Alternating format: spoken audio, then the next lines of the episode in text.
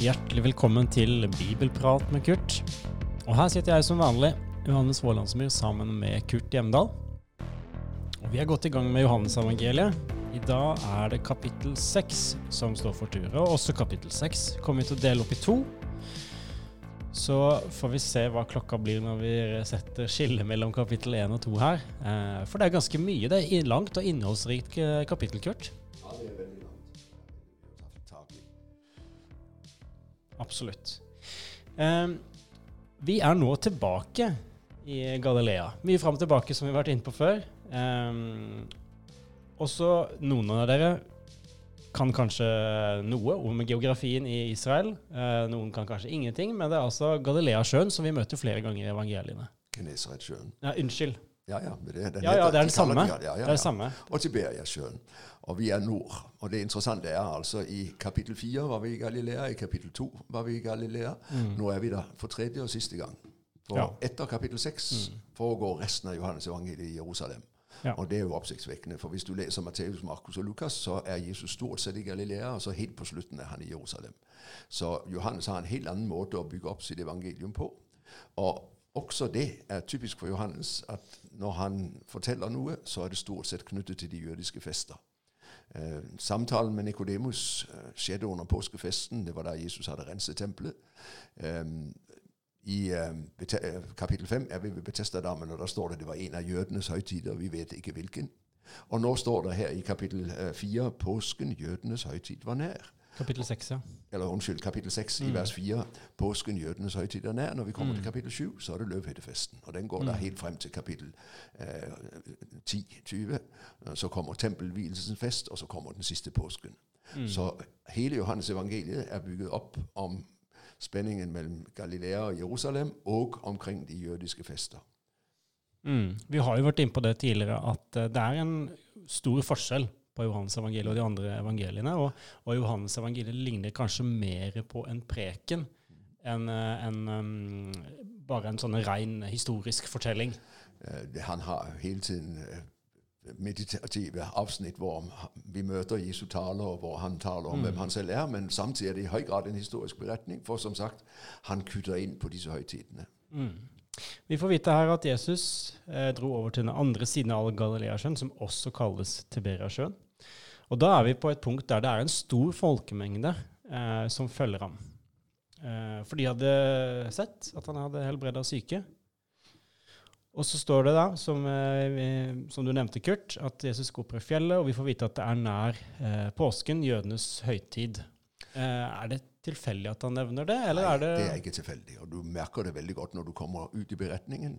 For når Jesus begynner å tale om seg selv eh, som livets brød, så er det jo i tilknytning til manna i ørkenen. ikke sant? Da er vi tilbake i eh, andre Mosebok med Israels ørkenvandring i forlengelse av påsken. Så, så her er det i høy grad påsketanker. Mm. Og samtidig så taler han om å spise hans kropp og drikke hans blod. Og da er vi jo i påsken i Jerusalem, ikke sant, med Jesus som innstifter nadveren. Så, så det er mye som taler om påske i dette kapittel. Det er ikke tilfeldig at den er nevnt. Og så skal vi bare huske fra forrige kapittel at Jesus har nettopp sagt at Faderen vitner om han gjennom gjerningene han gjør. Og nå kommer vi da til en historie der Jesus uh, gjør et uh, matunder og metter 5000 pluss, pluss, pluss. Um, de er eh, på et sted der det ikke er brød å få tak i. Uh, og vi kan jo tenke på når jødene er i ødemarken. Og hva skal de spise? Og så sier han dere skal gi dem mat. Ja. Uh, et fantastisk under. Men det er jo også, som vi er inne på, det er en tyngre symbolikk her. Det, det kommer vi jo til når vi kommer til dagen etter Jesu tale i Kapernaum synagoge. Men det er jo veldig interessant i eh, kapittel eh, 6 vers 5. eh, Han Philip kjøpe, eh, Philip eh, spør ham, han spør Philip hvor skal vi kjøpe brød. Dette sa han for å prøve ham, for han visste selv hva han ville gjøre.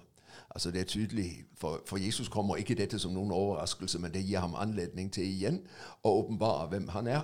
For nå får han gitt hele folket mat. ikke sant? Um, og så får vi vite at det blir masse til overs. Tolv kurver. Det er kanskje heller ikke eh, tilfeldig at det ble tolv kurver til overs. Tolv-tallet er jo tallet for de tolv Jakobs stammer. ikke sant? Mm. Så, så det, det peker jo hen på at her har Guds folk spist. og, tolv kurver blir til overs. Og når Gud gjør under, og det er akkurat som med bryllupet i Kana eh, 600-700 liter vin. Han gjør ikke sånne små under hvor det så vidt strekker til, men, men et veldig raust under hvor det blir rikelig, så det blir mye til overs. Og det sier jo noe om det Jesus kommer tilbake til i Johannes 10.10. 10. Jeg er kommet for at dere skal ha liv og overflod. Gud gir ikke knuslete, han gir rikelig. Mm.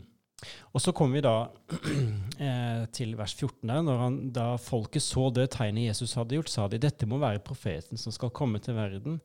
Jesus forsto at de ville komme og tvinge ham med seg for å gjøre ham til konge. Derfor trakk han seg bort igjen og gikk opp i fjellet alene. Og Jeg tenker tilbake igjen på forrige episode, der Jesus sier at ære av mennesker vil jeg ikke ha.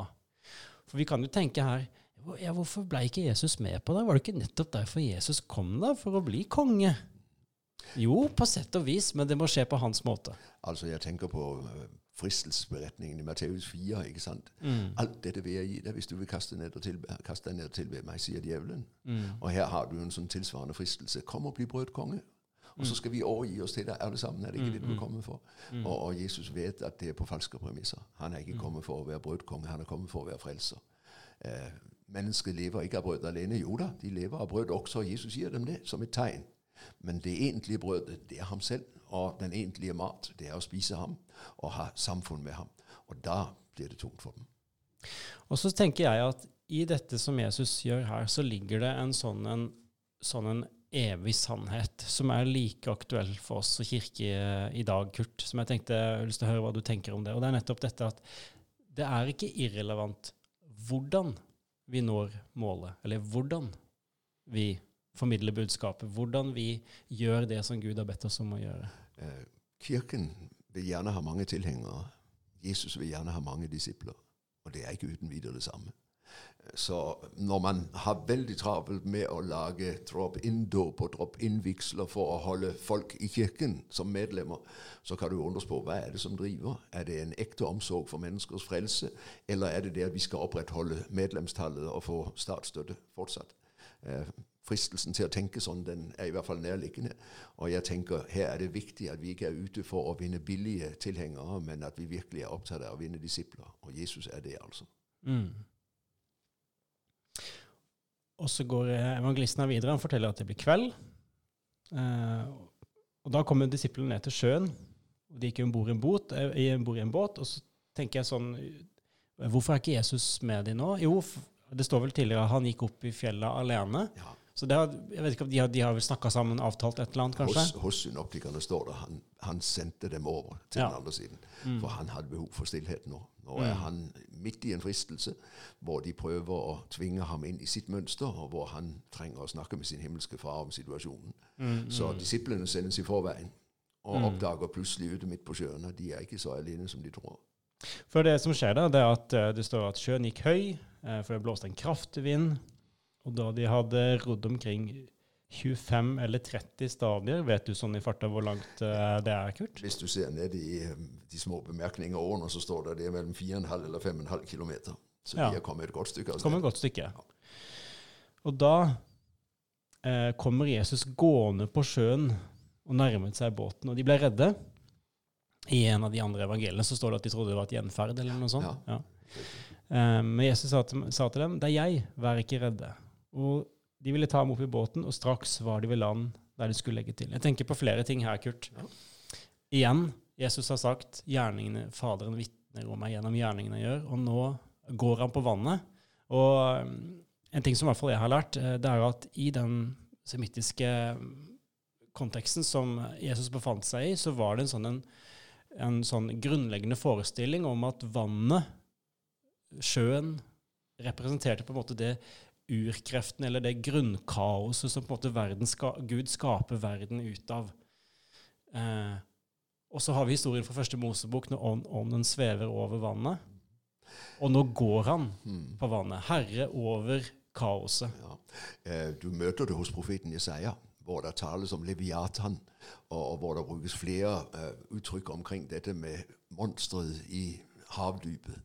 Eh, jødene likte ikke havet. Og derfor, når de, Salomo skulle ha, ha, sjøfolk, så hentet han folk andre steder fra, for jødene var ikke sjøfolk. Eh, og, og, havet representerer de troende. Derfor kan jo Johannes' åpenbaring si det når den taler om den nye himmel og den nye jord. Havet var ikke mer. Hvilket hav? Det hav dyret stikker opp av i åpenbaringen 13, og det har tydelig bakgrunn i den gammeltestamentlige forestilling om dette kaoshavet, hvor monstrene holder til, hvor kaoskreftene, det destruktive, lever. Mm. Når alt nyskapes, så er det destruktive borte, og da er det hav borte. Mm. Gladhavet det fins, men det havet blir borte. Og nå markerer Jesus sin makt over kaosmaktene mm. ved å vandre over vannet. Så dette er både et under som taler om dette, han er herre over det som er ondt, men det er også et under som sier han er som skaper naturligvis mm. suveren i forhold til sitt skaperverk. Mm. Havet må pent bære ham. Han er skaper. ikke sant?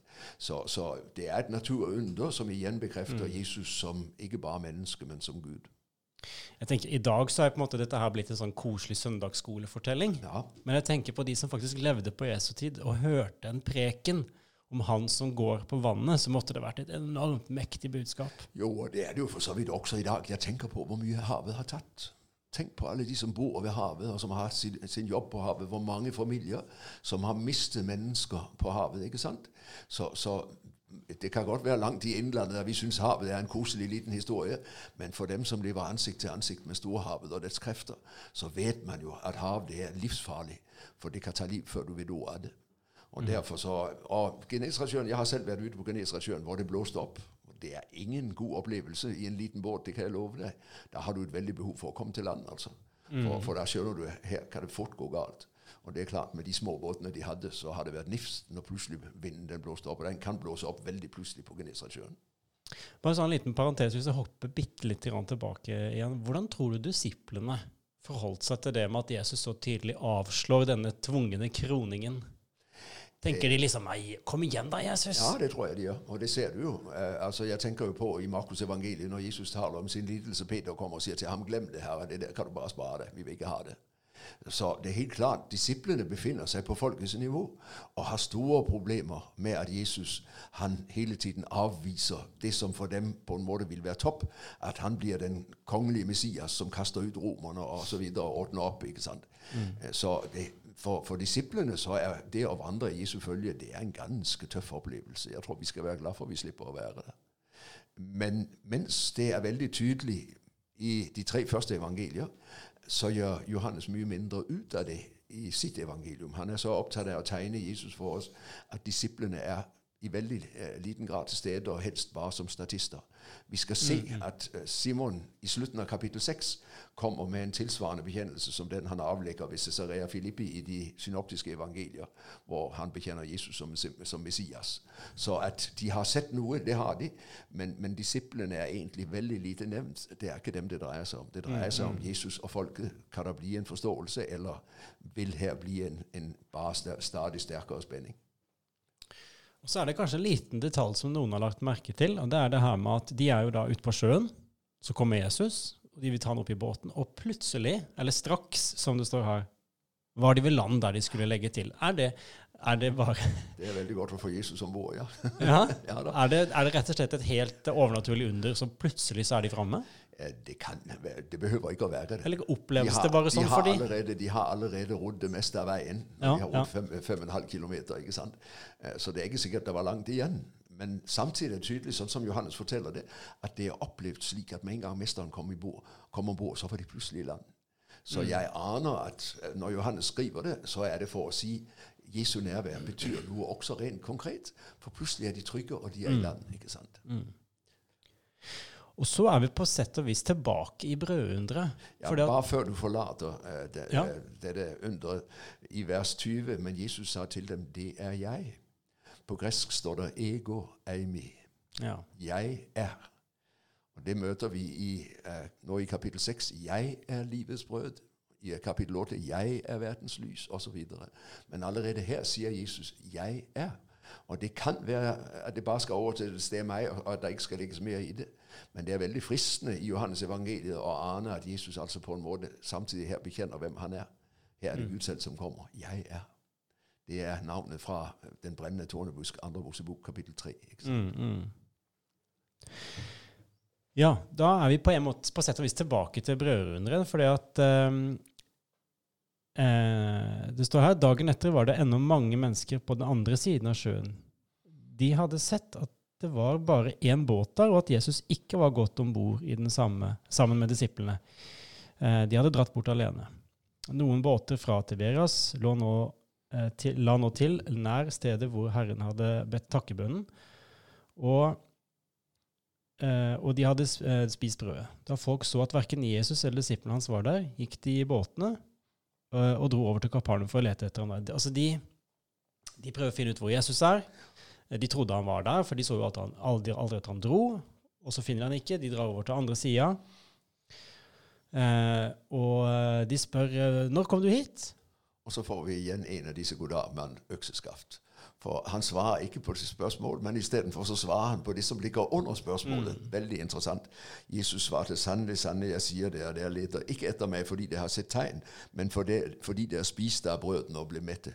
Dere mm. skjønte ikke hva som foregikk. Dere var bare opptatt av format i skrotten. Dere har ikke skjønt den dypere mening. Så, så, han godkjenner på en måte ikke deres leting, eller han sier dere har et feil utgangspunkt når dere leter etter meg. For dere er ikke villige til å ta imot det budskapet som tegnet gir. Ja. Så, så, han går rett inn, akkurat som Nikodemus. Og det kan være um, Johannes måte å skrive på, men han går på en måte rett på sak mm, og hopper over alle de mm, mm, mellomleddene mm, i samtalen hvor Jesus forklarer at han kom sånn og sånn. Og, mm. ikke sant? Og her får vi på en måte den naturlige forklaringa på hvorfor Jesus ikke gikk med på denne kroningen. Riktig. For han visste hva som bodde i hjertet. Han visste hva som egentlig dreiv de. Ja. Og det var å få mer brød. Og Derfor ser du i vers 27 at han gir dem en kraftig oppfordring. oppfordring. Arbeid ikke for den mat som forgår, men for den som består og gir evig liv. Den som menneskesønnen vil gi dere. Mm. Det er satt så feil når dere bare tenker brød og fisk. Tenk på mer. Mennesket lever ikke av brød mm. alene. Og så er det en bit her som eh, ja, eller Først, før vi kommer til det, så lurer jeg på hva som eh, ligger i denne setninga i slutten av vers 27. Um, ehm, kan lese hele? Arbeid, ja, som du leste, arbeid ikke for dem alt som forgår, men for dem alt som består og gir evig liv. Den som menneskesønnen vil gi dere. For på ham har Far, Gud, selv satt sitt seil. Hva legger uh, Jesus i det? Ja, for eksempel uh, kapittel 1. Jeg så ånden dale ned over ham og bli over ham. Mm. Han er den som døper med Den hellige ånd. Gud har beseglet Jesus i dåpen med Den hellige ånds nærvær, ikke sant? Altså som tegn på at han er mm, Messias. Mm. Så det kan gå på det at Gud har satt sitt seil på ham i dåpen, at han er Guds sønn. Eh, og det kan gå på det at han gjennom alle undrene setter sitt seil om igjen og om igjen og bekrefter at han er min sønn. Han er den helt spesielle. For han gjør det som ingen andre kan. Mm. Så, så, Gud har satt sitt seil på Jesus. Han er den som eh, virkelig bærer ånden uten mål. Han mm. er Guds evige sønn. Og så kommer vi til det som jeg syns er ganske fascinerende. For det jeg syns her er de eh, jødene her de er temmelig frekke, eh, får jeg inntrykk av. Fordi at Jesus har nettopp sagt dere kommer ikke for dere tror ikke, eller det kommer ikke eh, pga. tegna, men for å få brød. Og så virker det som OK, hvordan kan vi lure han? Hvordan kan vi manipulere Jesus til, få, til å gjøre det vi egentlig vil? Og da, for da spør de hvilke gjerninger er det da Gud vil vi skal gjøre? Og så Jesus svarer tro på Han som Gud har sendt. Hvilke tegn gjør du? Ikke sant? Så nå vil de at han skal gjøre mer her. Så vi kan tro på deg. Hva vil du gjøre? spurte de. Og så har de jo nettopp vært vitne til brødunderet. Og det er jo helt utrolig Det er jo helt utrolig at de spør om tegn nettopp når han har gitt dem det. Men det viser altså igjen de er blinde. De ser ikke. For de står midt i tegnet og har ikke oppfattet at det var et tegn. De har ikke skjønt hvem det er som har gjort det. For det har ikke åpnet øynene deres. De har bare blitt mette i magen. ikke sant? Mm. Og så kommer de altså og vil ha himmelbrød. For våre fedre spiste manna i ørkenen. Uh, slik det står skrevet, brød fra himmelen ga han dem å spise. Hva vil du gjøre? Hva vil du gi oss å spise? Og så svarer Jesus, det er ikke Moses som ga det brødet, det er min far. Jeg er livets brød, vers 35. Mm. Så, så, de får et tydelig svar på hva han vil de skal gjøre, nemlig å tro på ham og gi ham oppmerksomhet. Og det er det de ikke vil. Jesus han lar seg ikke lure, han lar seg ikke manipulere, eh, men han sier ja. Hvis, hvis, hvis, dere faktisk vil ha liv, hvis dere vil ha det levende brød, det himmelske brød, så er det meg. Det er meg, ja. Og ikke brødet jeg kan gi, men det er meg. Mm. Og en vidunderlig innbydelse i vers 35. Den som kommer til meg, skal ikke hungre, og den som tror på meg, skal aldri tørste. Og Da har jeg lyst til å gjøre deg oppmerksom på parallellen. ikke sant? Den som drikker av dette vannet, blir tørst igjen. Den som drikker av det vannet jeg gir ham, skal aldri mer tørste.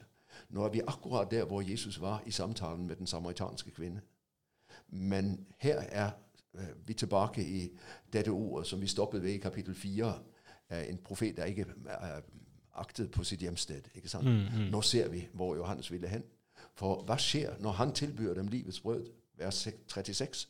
Men jeg har sagt det dere, enda jeg har sett meg, tror er ikke. Altså I motsetning til den samaritanske kvinne som en gang sier 'Herre, gi meg vannet', og så er villig til å bøye seg inn under Jesu dom over hennes synd, så er folket her de er innstillet på at de vil ha brød, men de vil ikke bøye seg for Jesus. ikke sant? Mm. Uh, de er egentlig ikke ute etter å få tak i det han har å gi dem. Jeg tror vi setter strek der, og så blir det da første del av kapittel seks. Eh, så det blir spennende med fortsettelse av denne her samtalen mellom disse folka som har sett Jesus gjøre brødundre, og, og Jesus. Var det gildt å høre på denne podkasten, må du gjerne gi en gave til Nordmisjon sitt arbeid, f.eks. på VIPS med nummeret 94272, eller besøk oss på nordmisjon.no agder.